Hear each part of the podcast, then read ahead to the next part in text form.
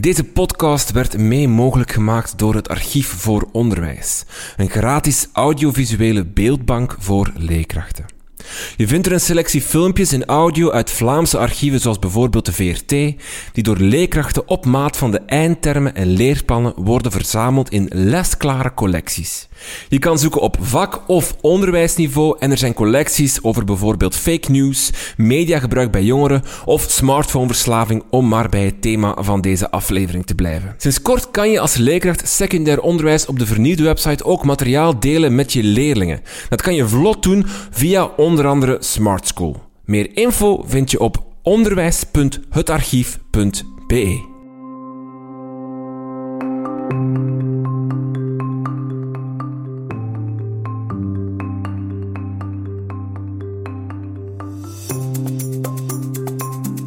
Welkom bij Buiten de Krijtlijnen. Mijn naam is Frenke van Hoek en dit is uw podcast over onderwijs.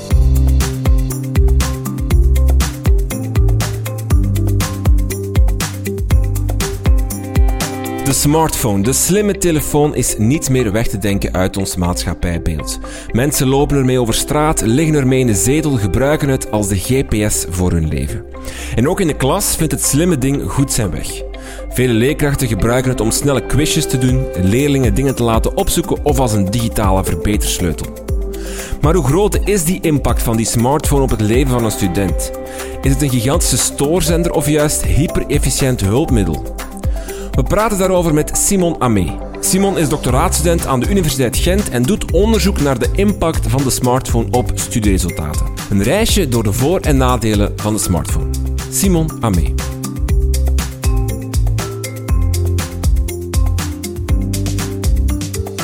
Dag Simon Amé. Uh, we gaan het vandaag hebben over de smartphone uh, en de impact op het leven van, van een student of een leerling. de impact van die smartphone daarop. Misschien eerst even kort, wat, hoe is jouw smartphone-gebruik? Jij als onderzoeker naar het gebruik van smartphone of de impact van smartphones op studenten, op leerlingen, op mensen? ik denk dat de mensen die mij kennen heel hard gaan lachen dan, als ze dit horen als eerste vraag. Want ik, onderzoek negatieve gevolgen van smartphone-gebruik, maar eigenlijk ben ik zelf niet echt zo'n voorbeeld. Mijn smartphone plakt zo een beetje aan mijn hand, zoals ze hier zeggen in, in West-Vlaanderen. Dus ik vrees dat ik op dat vlak niet echt een, een prima voorbeeld ben. En over hoeveel uren spreken we dan per dag? Durf je dat toegeven of luidop zeggen? Of? um, well, je krijgt op iPhone een melding van schermtijd. Ja, en um, de, vaak is dat toch meer dan drie uur per dag gemiddeld. Maar laat ons daarbij zeggen dat bijvoorbeeld uh, navigatie met een auto is ook op geweest. Dus ik hoop dat dat daarin vermeld zit en dat dat misschien iets minder is. um, je, je, je, zei het net al, je doet onderzoek uh, naar uh, de impact van smartphones op, het, op studenten voornamelijk. Um, je, zei, je zei net negatieve impact. Is dat, is dat echt het uitgangspunt van, jou, van jouw onderzoek? Dat je, dat je, dat je hypothese voorop stelt van het, is, um, het heeft een negatief effect? Well, het is zo dat ik, um, voordat ik aan mijn onderzoek begon, misschien de algemene opvatting had die iedereen heeft. Uh, als je denkt aan een student, dan, of hoe dat ik was als student, als ik uh, studeerde, dat is dan gelukkig nog niet zo lang geleden, uh, dan, dan was dat wel een afleiding. Of dan, dan, dan denk je toch van, hm, ik heb daar misschien te veel tijd aan besteed, waarschijnlijk is dat niet bevorderlijk voor mijn, voor mijn resultaten. Dus ik denk dat het algemene idee van, dat kan niet zo goed zijn voor studenten, dat dat in mijn achterhoofd zat, op het moment dat ik daaraan begon. Het is natuurlijk geen wetenschappelijk gefundeerde hypothese. Dus toen ik eigenlijk begon met mijn onderzoek, ben ik gewoon begonnen met wat is er eigenlijk al gebeurd in wetenschappelijke literatuur en wat zegt dat? Allee, wat zegt dat over de mogelijke gevolgen? Zijn dat positieve gevolgen, negatieve gevolgen? En ja, misschien heb ik al een beetje te veel verklapt door te praten over negatieve gevolgen, maar het, uh, het lijkt toch alleszins aan uh, hoger onderwijs dat de negatieve gevolgen ja, de positieve zaken overstijgen. Voor jouw onderzoek heb je eerst een, een literatuurstudie gedaan, zal ik maar zeggen. Uh, gekeken wat voor onderzoek is er al. Wat zei het onderzoek op dat moment? Wel, um, eigenlijk nog niet zoveel. Het, uh, er waren wel al studies geweest, maar die waren ten eerste verspreid over heel wat verschillende vakgebieden. Vaak ook zoals, de, ik denk, een klein beetje een, een bijonderzoekje van we hebben die data, we gaan daar iets mee doen. Het is een, eh, veronderstelling, maar zo kwam het bij mij over. Het was nog geen uh, gestructureerde onderzoekslijn, had ik het gevoel. Um, en de onderzoeken die er waren, waren enerzijds beperkt. En anderzijds waren die correlationeel van uh, oorsprong. En wat wil eigenlijk zeggen? Dat, dat er een verband werd gevonden van studenten die uh, veel hun smartphone gebruiken, zijn ook de studenten die laag scoren. Maar wat dat onderzoek niet kon doen, was zeggen van zij scoren slecht doordat zij hoge of intensieve smartphonegebruikers. Kausaal verband ontbrak alleszins op het moment dat ik aan mijn onderzoek uh, begon. Um, wat, wat, wat voor onderzoek heb jij dan gevoerd om... Want was jouw onderzoek dan echt om dat kausaal verband te gaan bewerkstelligen, dat kunnen bewijzen? Ja, dus sowieso is het... Als het een probleem zou zijn, dat er dus negatieve gevolgen zijn van smartphonegebruik op studieresultaat, kan je daar eventueel op verschillende instanties iets proberen aan doen. Maar natuurlijk heeft dat enkel maar belang als, die, als dat verband, dus als die correlatie ook effectief dat kausaal verband blootlegt. Want anders, als je daarop gaat proberen uh, ageren en bepaalde zaken gaat instellen, kan je misschien uh, ja, de positieve dingen weggooien met een algemeen uh, verbod of zo. Dus om dat zeker te weten, was dat noodzakelijk. En wat wij gedaan is, voor de eerste keer eigenlijk longitudinale data, noemt dat, verzameld. Was eigenlijk gaan zeggen van, we zijn drie jaar lang studenten gaan opvolgen en gaan bevragen. En als je dat met wat econometrische hocus pocus, dus een beetje statistiek en economie door elkaar, dan kun je door longitudinale data te gaan gebruiken, eigenlijk gaan uh, controleren of wegzuiveren van bepaalde individuele karakteristieken. Want het, is, het kan zijn dat eigenlijk die, dat verband eerder een verband blootlegt, bijvoorbeeld tussen een gebrek aan discipline of, uh, of, of, motivatie. Als ik niet zo gedisciplineerd ben, dan ga ik heel snel toegeven aan de afleiding van een smartphone en waarschijnlijk ook niet de discipline aan de dag leggen om te studeren, ja, dan ga ik en slecht scoren en veel op mijn uh, smartphone zitten, maar dan is het niet de smartphone die zorgt voor de negatieve scores. En om dat weg te werken, eh, kun je dat op, statistisch, statistisch vlak doen wanneer je studenten meerdere jaren op één volgt. Dus dat is een van de mogelijke um, manieren om dat op te lossen. Dus dat hebben wij uh, gedaan. Dus we hebben in 2016, 17 en 18 uh, studenten aan de Universiteit Gent en Universiteit Antwerpen opgevolgd. En wat bracht dat onderzoek naar, naar boven? Uh, wel eigenlijk dat er een, ehm, een, een, negatief effect was. Hè. Dus uh, studenten die hun smartphone ehm, vaker gaan gebruiken, dus intensiever gaan gebruiken, die zijn ook, dat leidt ook effectief tot, tot lagere punten. Als je dat dan zegt van één standaard fout, dus één standaard afwijking, meer smartphone gebruik, dat is natuurlijk heel technisch, leidt wel tot meer dan een derde van een punt. En als je ziet een, een derde van een punt op 20, uh, ja, als je dan gaat kijken van de laagste tot de hoogste, zit er wel een groot verschil op. Uh, dus dat is wel, een, een, wel degelijk een redelijke impact. Dus, dus iemand die veel op zijn smartphone zit, die heeft uh, grotere kans dat hij uh, lager gaat scoren. Ja, en ook een grotere kans dat hij voor minder vakken zal slagen. Dat hebben we ook onderzocht. Dus dat is wel allee, behoorlijke impact natuurlijk. En kunnen we op, op, dat woordje veel een getal plakken? Qua punten is het ongeveer een derde van een punt. Dus 0,345 op 20. Als je één stap in onze, onze meting van smartphonegebruik vooruit gaat, dus meer gaat gebruiken, dan, dan score je eigenlijk één, eh, dus, uh, 0,345 punten minder op 20. En, en de veel, veel van uren smartphone gebruik dan? Hoeveel uur is veel? Als je dat zou kwantificeren, of is dat, hangt dat een beetje af van persoon tot persoon? Wel, um, wij hebben eigenlijk niet gemeten op basis van om aan studenten te vragen van hoe vaak of hoeveel tijd.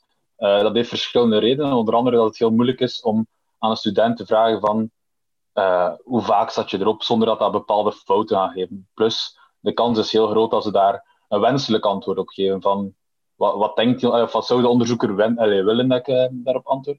Wat dat wij daarvoor gebruiken is eigenlijk een, eh, een schaalinstrument. Dat zijn verschillende vragen. Uh, die vraagt naar hoe vaak in een week gebruik je, op een normale dag in de week gebruik je je smartphone om de weg te vinden, om foto's te nemen, om muziek te luisteren. En als we al die verschillende items en elementen gaan, gaan uh, samentellen, dan krijgen we eigenlijk een score. En dus een score die hoger is, leidt tot frequenter en vaker smartphone. Uh, en dat, dat zijn gevalideerde meetinstrumenten. En dan het, het jammere, het spijtige aan de zaak is natuurlijk dat je het niet kunt uitdrukken in minuten.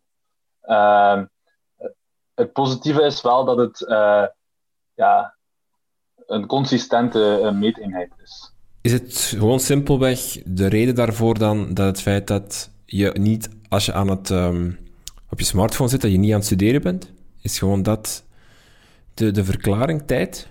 Ja, wel, uh, als we spraken over daarnet, over die literatuurstudie, dan is niet alleen het gebrek aan een kausaal verband uh, naar boven gekomen, maar ook het feit dat er eigenlijk amper tot geen onderzoek nagedacht van wat ligt daarachter, wat zijn de verklaringen. Want dat is natuurlijk de volgende stap. Van, ja, als we weten dat er een, een, een effect is, een negatieve impact, dan moeten we wel weten hoe dat, dat komt, eer dat we dat kunnen uh, adequaat gaan oplossen. En dat is tot op het heden nog niet het geval, maar er zijn wel natuurlijk theoretisch gezien vaak verklaringen aangehaald in die studies. En zoals gezegd is één daarvan een, een, een afweging van tijd. Iedere minuut dat ik spendeer op mijn, op mijn smartphone of een student, kan hij niet studeren. Dus als ik na ons gesprek straks verder aan het werk ben en ik zit vijf minuten te scrollen op Instagram, zijn dat vijf minuten die ik niet heb gewerkt. Hetzelfde geldt eigenlijk voor een student die aan het studeren is. Dus alle tijd die je daaraan spendeert of aan andere zaken, uh, kan je niet gebruiken om te studeren. Dat is één. Dat is sowieso een, uh, een mogelijke verklaring. Maar twee is niet alleen van hoeveel studeer ik, maar hoe goed studeer ik ook. Want je creëert door de aanwezigheid van die smartphone waarschijnlijk, hè, we, zijn nog niet heel zeker, maar waarschijnlijk een, een multitasking uh, gedrag. Ja? Task switching, dus dat, hoe kan dat gebeuren? Dat kan enerzijds door notificaties, ja, als mijn telefoon naast mij ligt en, en, en er komt daar een melding op van Twitter, van Instagram of Facebook, dan is die trigger groot om alles maar twee seconden toch te kijken naar het scherm van ah, interessant of niet. Maar in je hersenen is het wel noodzakelijk dat die, of je hersenen maken een noodzakelijke switch. Je focus gaat even van je leerstof, van, je, van hetgeen waarop je gefocust bent, naar je smartphone en terug. En als persoon ga je dat niet merken, maar dat heeft wel een, een efficiëntiekost. Je productiviteit gaat daarvan een klein beetje naar beneden. En dat is geen probleem als dat één keer gebeurt op een dag natuurlijk. Maar als dat een gedrag is dat vaak komt, soms onbewust, dan ga je in datzelfde uurtijd eigenlijk minder gaan studeren, doordat je hersenen vaak die switch moeten gaan maken. En dan zit je eigenlijk, we noemen dat een cognitieve overload. Dus ja, je, hebt, je hersenen hebben te veel taken waarop ze zich moeten focussen.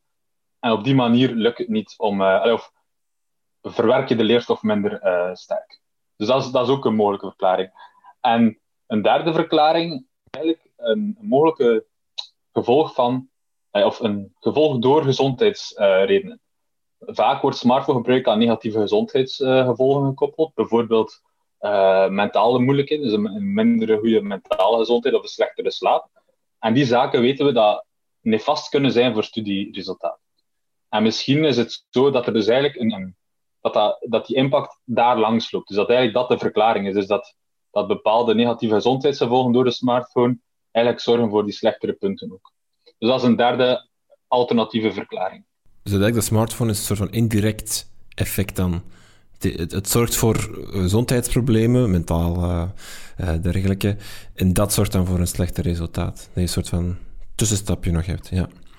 Um, iets wat ik ook las, is dat, en ik denk dat ook uit, jouw onderzoek komt, is dat, dat studenten een smartphone eerder zien als ontspanning dan als een studiemethode. Dat um, die ingesteldheid, eh, wat voor impact heeft dat volgens u? Het feit dat, dat mijn smartphone, uh, ook al wordt het tegenwoordig heel vaak gebruikt als een soort van leertool, hè, uh, op verschillende manieren, dat het toch wordt gezien als een altijd ontspanning en niet als een valabel studiemethode manier? Wel, ik denk enerzijds dat als studenten dat aangeven, dat ze eigenlijk onderschatten hoe vaak ze hun uh, smartphone ook wel degelijk gebruiken om voor zaken die het studeren of het presteren aan, aan op school wel verbeteren. Als je dat was natuurlijk voor mijn tijd, maar als ik groepswerk mocht doen, dan, dan, zorgde die smartphone heel gemakkelijk dat ik uh, informatie kon uitwisselen. We maakten een Facebookgroep of een WhatsApp-groep of zoveel andere mogelijkheden. En dan waren, was het heel gemakkelijk om uh, documenten door te sturen, om, om af te spreken waar en wanneer we aan het groepswerk gingen werken. En vaak kon je zelfs, wat dat nu blijkt in, in COVID-tijden, kan je ook gewoon op afstand samenwerken. Zaken als Google Docs, waar je tegelijkertijd aan hetzelfde document werkt het zijn allemaal zaken die ook via de smartphone en andere mobiele apparaten gebeuren, maar die je misschien niet meer beseft, omdat ze zo um, in je dagelijkse leven zijn, zijn, zijn uh, ingekanteld en dat je misschien niet meer bij, bij stilstaat. En dat op die manier dat de studenten misschien vooral kijken als, of vooral bewust zijn van de momenten dat ze hun smartphone gebruik, gebruiken eigenlijk voor ontspanning. En dat, dus dat, en dat ze misschien anderzijds, een tweede ding, uh, zaak daarbij is, is dat ze dan ook niet actief op zoek zullen gaan naar zaken die hun productiviteit of hun studieprestaties gaan verbeteren. Dus dat is dan weer het negatieve. Als ze enkel het zien als een ontspanning, gaan ze misschien niet actief op zoek naar de mogelijkheden die er zijn om ook het, om de positieve uh, ja, impact die er, die er is, of die er kan zijn, of die, allee, de, de zaken die het vergemakkelijken, om die te zien. En, als ze, en dat is misschien dan het, uh, denk ik, de valkel door enkel als een, een ontspanningsapparaat naar te kijken. Wacht, dat laatste moet u even verduidelijken. Dus, dus er zijn wel degelijk, um, of studenten gebruiken het eigenlijk heel vaak wel als een leertool, zo'n smartphone, hè, door inderdaad afspraken te maken, informatie uit te wisselen, um, vlot met elkaar in communicatie te staan. Maar ze, ze beseffen dat niet. Daardoor kunnen ze de smartphone niet verder, optimaliseren ze de smartphone niet verder om hem dan de negatieve effecten uit te wissen en de positieve te behouden? Of? Ja, dus allee, dat is een vermoeden natuurlijk, maar het, het, is, een, het is een feit dat, dat, ze kijken naar een smartphone als een ontspanning en niet als een werkinstrument. En ik denk dat een van de redenen daarvan komt doordat ze de mogelijkheden zich niet meer bewust van zijn. En een gevolg daarvan is denk ik, ik zeg denk ik, ik heb het nog niet onderzocht, dat zij niet meer in staat zijn om, of, of, niet meer, of moeilijker de drempel zetten om te gaan zoeken naar zaken die in de smartphone die, die hun werk eigenlijk kunnen optimaliseren. Naast de zaken die ze al onbewust doen, door, eh, zoals ik daarnet aangaf, de, de zaken die het al gemakkelijker maken. En, um, want dat is een verschil met wat we zien. Uh, ik ben daar niet helemaal van hoogte, maar er is ook wel heel veel literatuur die op zoek gaat naar het positief gebruiken van de smartphone. Ook in klassen, uh, dat is dan het pedagogische aspect, dat minder mijn, mijn zaak is. Maar je, je merkt wel dat er ook positieve zaken zijn. Het is geen uh, of-of verhaal, het is een en-en verhaal.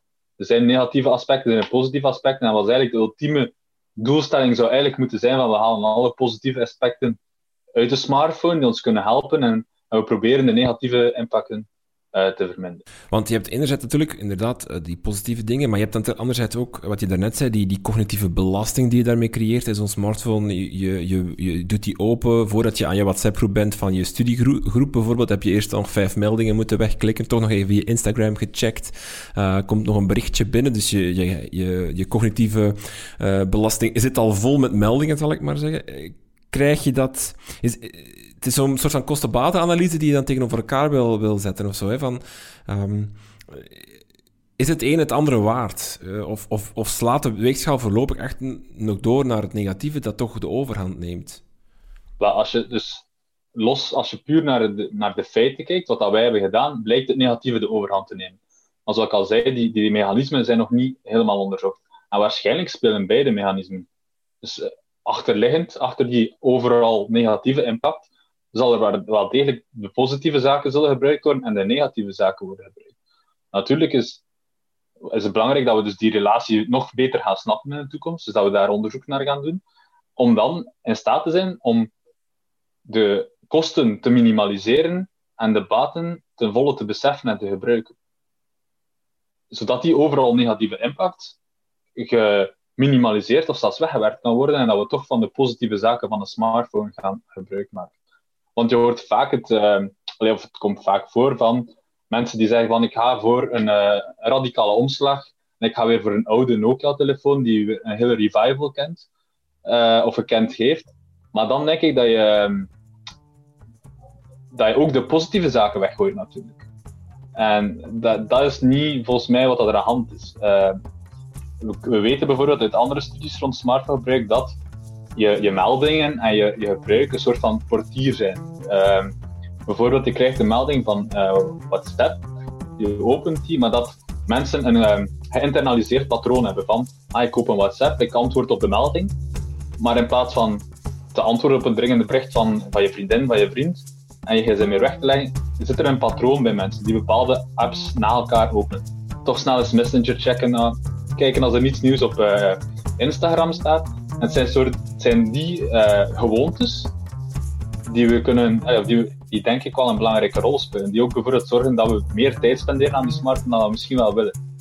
Als we dan die zaken kunnen gaan herkennen en herkennen en daarop werken, denk ik dat je al bepaalde zaken kunt terechttrekken zonder dat dat een heel grote impact heeft. Of dat dat heel ingrijpend is dat je moet zeggen van ja, die smartphone, ik dan weg en ik ga voor een oude traditionele mobiele telefoon.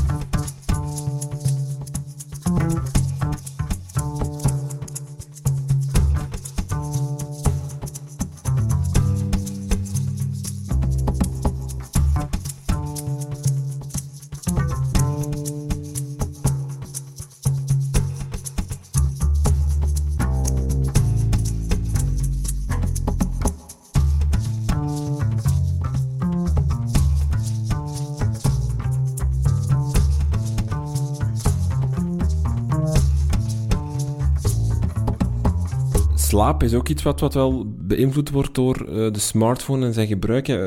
onderzoek toonde aan dat niet per se hoe lang studenten op een smartphone zitten, dat is misschien ook wel interessant voor het, voor het groter plaatje. Niet hoe lang studenten op een smartphone zitten, maar wat ze ermee doen heeft effect op hun, op hun slaapkwaliteit. Ja, dat klopt. Ehm, dus wat dat, in, uh, wat dat voorgaande studies altijd of vaak deden, was zelfgerapporteerde data. Vragen van hoe vaak heb je je smartphone gebruikt? En dat gekoppeld aan uh, slaapkwaliteit. Dat heb ik trouwens zelf ook gedaan in eerder onderzoek. En daaruit bleek dat dat wel degelijk een impact had. En zeker uh, bij vrouwelijke studenten. Maar wat we nu hebben gedaan is. de vakgroep um, in communicatiewetenschappen hebben een applicatie ontwikkeld voor Android. Dat noemt Mobile DNA, die is vrij toegankelijk voor iedereen. En we hebben daar studenten gevraagd om, wil je die applicatie installeren en mogen we je smartphone gebruiken gedurende twee weken volgen. Ze hebben daar natuurlijk zelf ja op gezegd, anders mag je dat kunnen we dat niet doen. Anderzijds hebben ze ook vragen eh, beantwoord rond hun slaap. En doordat we die applicatie hebben, kunnen we veel verder gaan dan gewoon vragen van hoe vaak heb je je smartphone gebruikt? Uh, maar kan we echt heel diep gaan. Wanneer is die gebruikt? Voor welke applicaties? Uh, voor hoe lang? En, en die zaken. En dan blijkt inderdaad dat het niet is de tijd die je spendeert, maar wel hoeveel verschillende sessies per, of hoeveel verschillende applicaties per sessie die je opent. Dus eigenlijk het type gedrag die je vertoont. Um, die gelinkt wordt aan een slechtere slaap, maar niet het overal, uh, het overal tijdstip. En ik denk dat dat ook de volgende stap kan zijn in die relatie met, met, met studieresultaten. Dus dat we eigenlijk idealiter smartphone-gebruik kunnen gaan meten op basis van die applicatie. En dan eigenlijk zouden kunnen uh, boren om verschillende uh, patronen van gebruik te linken naar verminderde uh, studieprestaties. En op die manier ook gaan zien van ja, welke zaken zijn nu slecht en positief. Is het de manier van gebruik? Is het bepaalde applicaties? Is het slechter als je het op bepaalde tijdstippen doet? Uiteraard vermoed ik dat het slechter zal zijn tijdens um, ja, bijvoorbeeld lesuren. Hè. Maar dat is eigenlijk de volgende stap dat we dat zouden weten. En het onderzoek rond de slaapkwaliteit toont aan dat daar echt wel ja, een breakthrough kan zitten. En als je het objectief kan meten en je heel gedetailleerd kan nagaan hoe, smart, hoe de smartphone wordt gebruikt, dat we veel meer inzicht gaan eh, krijgen in die relatie en dan ook heel ja, veel accurater gaan kunnen gaan optreden als dat nodig zou blijken. Want, eh, misschien over die het is niet, wat je, het is niet hoeveel, maar wat je doet. Heel veel verschillende elementen tegelijkertijd. Uh, verschillende apps, soort van switching doet constant tussen de ene app en de andere. Dat je daardoor je cognitief overbelast en daardoor de slaap moeilijk kan vatten en, en je brein eigenlijk gewoon over, overhit. Dat is een mogelijke verklaring, inderdaad. En een tweede mogelijke verklaring is dat, uh, dat eigenlijk dat patroon een gevolg is van een soort van FOMO, fear of missing out dus dat er eigenlijk een bepaalde angst is die bij studenten, of bij ons was het nu studenten, die bij mensen aanwezig is om al die verschillende applicaties te checken, om mee, dus mee te zijn wat gebeurt er online, wat gebeurt er in mijn vriendengroep. En dat eigenlijk die, uh, die, fear of, miss, of missing out, dat is eigenlijk een, een soort van stress, angst. En dat zorgt voor stresshormonen. En stresshormonen zijn nefast voor de slaapkwaliteit. Dus, uh, stresshormonen zoals cortisol worden heel duidelijk gelinkt aan moeilijkheden om te slapen. En waarschijnlijk is dat het, is het um, is dat, is dat gebruik een signaal van, van die stress, van die achterliggende FOMO. Um, en die dan gelinkt wordt aan, het, aan de verminderde slaapkwaliteit. In hoeverre is, is stress sowieso zo'n factor bij, bij zo'n zo'n smartphone? Het is allemaal wel een soort van uh, stressy gebeuren. Hè? Als je je wilt afsluiten en dat zit naast je te, te, te vibreren met meldingen. Um, het is allemaal wel gejaagd en, en snel. En, en in hoeverre is, is zo'n secundair gevoel dan dat dat creëert uh, als stress een, een oorzaak van bijvoorbeeld ook slechtere resultaten? Of, of minder resultaten? Ik denk dat stress sowieso niet, niet bevorderlijk is voor het optimaal functioneren. En, en ook niet op een werk, uh, werkomgeving. Het is te zeggen, een bepaald niveau van stress of een bepaalde soort van druk kan productief zijn, maar een, een, te veel aan stress is dat niet. En wat je zegt van, van dat continu vibreren, dat denk ik, denk ik vooral een trigger om die multitasking te gaan doen. Uh, we, we, weten uit studies dat het simpel uh, aanwezig zijn van de smartphone op de bureau of in uw zak eigenlijk al voldoende is om uw aandacht te verminderen. Dus het feit dat, dat ik straks aan het werk ben en dat mijn smartphone hier links van mij ligt op mijn bureau, eigenlijk is dat al voldoende, zonder dat hij afgaat, om mijn productiviteit te verminderen. Dus er moet zelfs geen melding bij uh, aanwezig zijn. Dus eigenlijk is dat een soort van. Uh, ik zou het kunnen vergelijken met een soort van lichte slaap. Ik denk aan een ouder waarvan dat de, de tiener uh, uitgaat en om een bepaald uur gaat thuis. En de twee uur daarvoor dat, er, dat je wel aan het slapen bent als ouder, denk ik, maar dat er zoiets is van vanaf de bel gaat of de, de, de, de sleutel in de deur, dat je direct wakker bent. Een soort, die, soort van alertheid. En uh, die kan getriggerd worden door het aanwezig zijn van die smartphone op de tafel. Of van die trillingen in de broek. Of de mogelijkheid dat die trillingen daar zijn. Ik weet niet. Maar het is denk ik een, fenomeen dat bepaalde mensen soms de trilling voelen. Een soort van fantoomtrillingen. Gewoon dat ze denken dat die, dat, dat die afgaat. En, en, maar dat eigenlijk niet het geval is. En dat denk ik is een soort van um, continue staat van alertheid. Die waarschijnlijk ook een soort van stress, uh, of allez, fysieke stress dan. Uh, misschien dat je het mentaal niet zo aanvoelt, maar wel fysiek aan je lichaam bepaalde zaken uh, gaat gaan doen die waarschijnlijk niet optimaal zijn voor het presteren op de hoofdzaak en deze dan werken of studeren.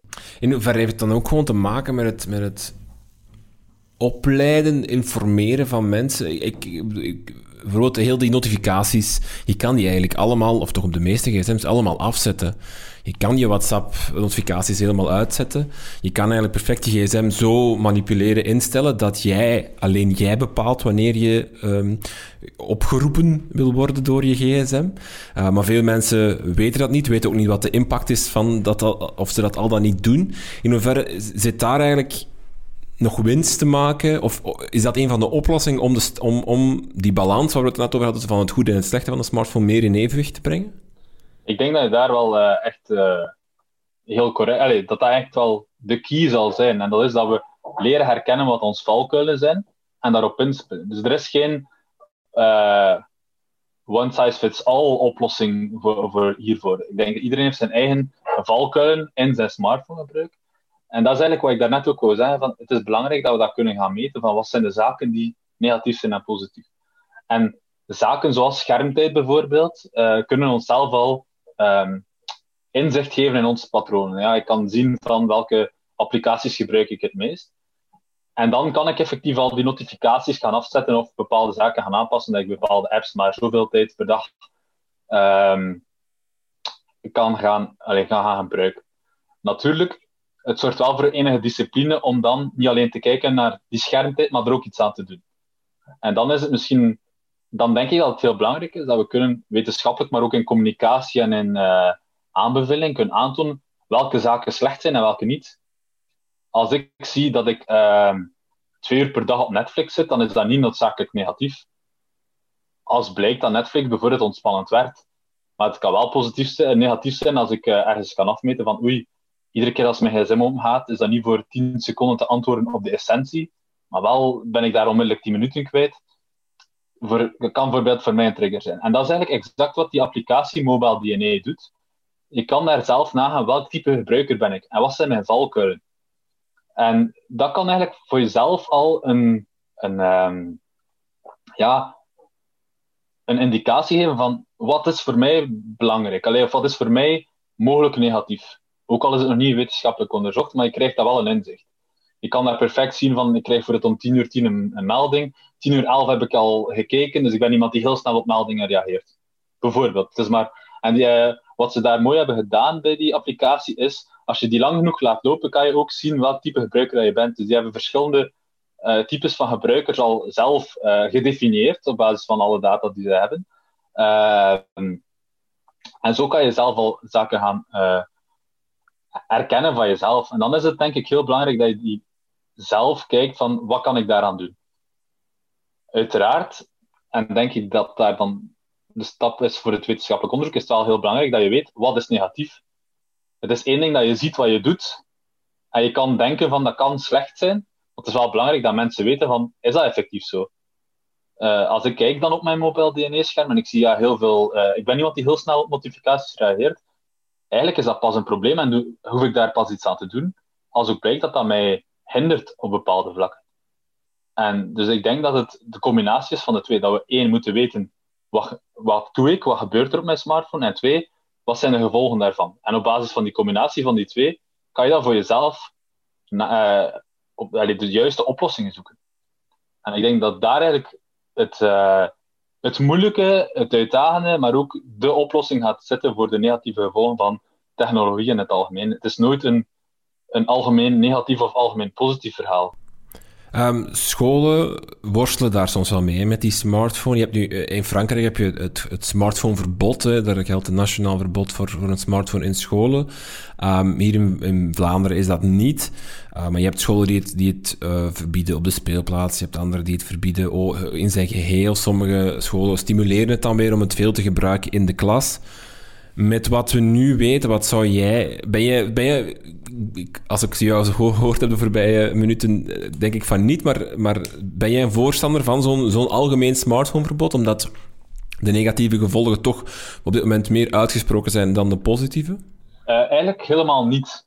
Um, eerst en vooral, bijvoorbeeld die, die ban, of die, dat verbod in Frankrijk, uh, vind ik heel spijtig dat op heel weinig wetenschappelijk onderzoek is gebaseerd. Want als ik hier vertel, vertel ik vooral ook weer onderzoeken bij hoger onderwijs, dus dat is hogeschool en universiteit.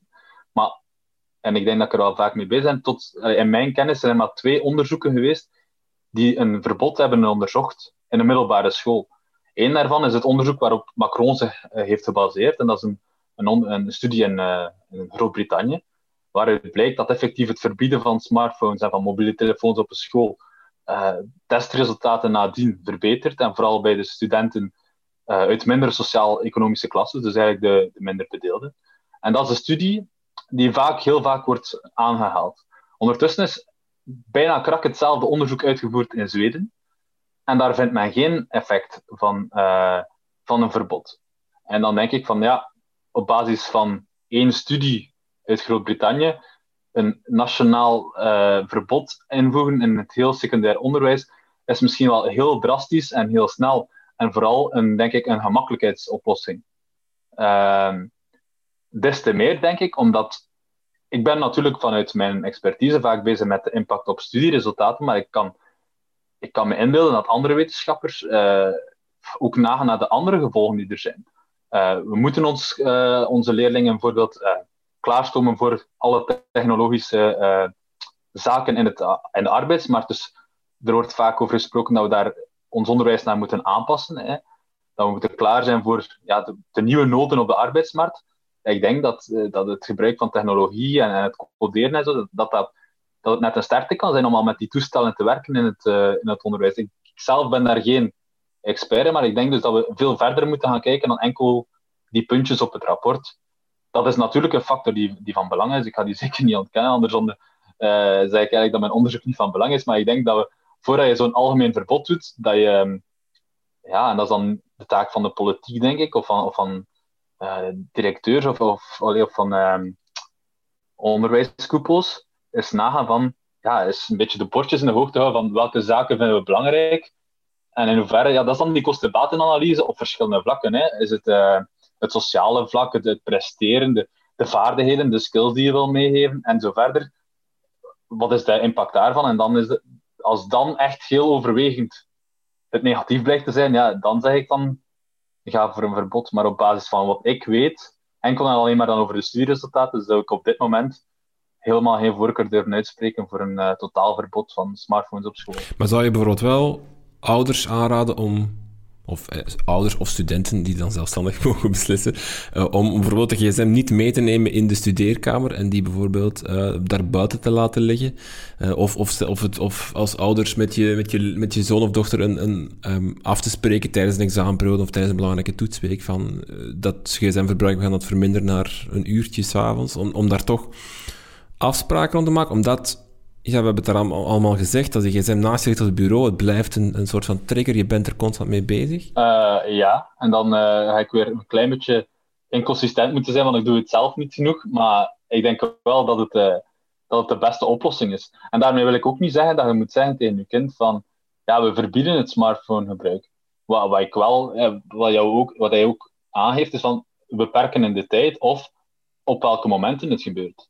Ja, als, als het een belangrijke toetsenweek is en, en je kind uh, of je leer, de student moet zich voorbereiden en, en ergens in de planning of, er is afgesproken tot zes uur uh, gaan we werken voor school, dan kan je perfect afspreken, oké, je komt terug van school, we leggen die gsm in, uh, in de keuken bijvoorbeeld. je naar boven en vanaf je klaar om zes uur, als je je huiswerk gemaakt hebt of gestudeerd hebt, dan, dan, dan, kan je gerust ontspannen ook op die, op, op, die smartphone. Uh, maar dan vermijd je bijvoorbeeld die, die multitasking al. Dat is al een van de aspecten die je dan vermijdt. En ook gewoon de, de tijd uh, die je spendeert. Dus de uren dat je dan op je bureau zit, je kan nog altijd afgeleid zijn, maar het zal al niet meer door je smartphone zijn. En je, kan waarschijnlijk meer minuten effectief ook studeren of voor, school werken. Dus ik denk dat dat effectief wel, wel een positieve zaak is. Dat er over nagedacht wordt en dat er een discussie wordt gegaan om, om ook, ja... Ik denk dat het ook heel belangrijk is dat het kind misschien ook beseft waarom het zo is. Dat je misschien uh, de discussie aangaat of het gesprek en dat je dat uitlegt van kijk, ik wil niet dat je je vriendinnen niet meer mocht horen, maar ik denk dat het belangrijk is als je je even focust op die, op die, op die school en daarna mag je ontspannen. Net zoals dat je perfect kan zeggen tegen, tegen een kind die, die heel zot is van voetbal, van kijk, uh, ja, sorry, nu eventjes niet. Kijk, je doet je huiswerk of je studeert en om, om zes uur is de afspraak, we gaan buiten gaan voetballen of je gaat naar de voetbaltraining of whatever. En ik denk dat dat hetzelfde is met de smartphone als een soort van ontspanning. Dat, daar, ja, dat er momenten zijn om hem te gebruiken en momenten om dat niet te doen. Oké. Simon Amé, heel veel dank voor dit gesprek. Graag gedaan.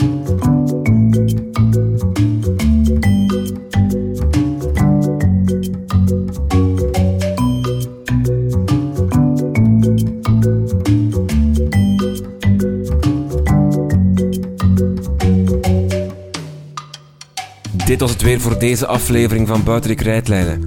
Blijf op de hoogte van onze plannen en nieuwe afleveringen via Twitter, Facebook of Instagram. Een lijst van de show notes van deze aflevering vind je op onze website www.krijtlijnen.be. Als jij het belangrijk vindt dat we leerkrachten kunnen blijven inspireren en dat deze gesprekken gratis beluisterd kunnen worden door iedereen die met onderwijs bezig is, overweeg dan om vriend van de show te worden van buiten de krijtlijnen. Dat kan via onze website. Daar kan je een donatie doen. Dat kan een eenmalige donatie zijn of ook op maandelijkse basis. Dan doneer je 2,5 euro per maand. Surf dus naar www.dekrijtlijnen.be, haal even die bankkaart boven en steun ons. Je krijgt dan ook toegang tot onze exclusieve Facebookgroep met de andere co-teachers. Daar bespreken we de aflevering en kan je suggesties en feedback geven. Dank voor het luisteren en tot de volgende.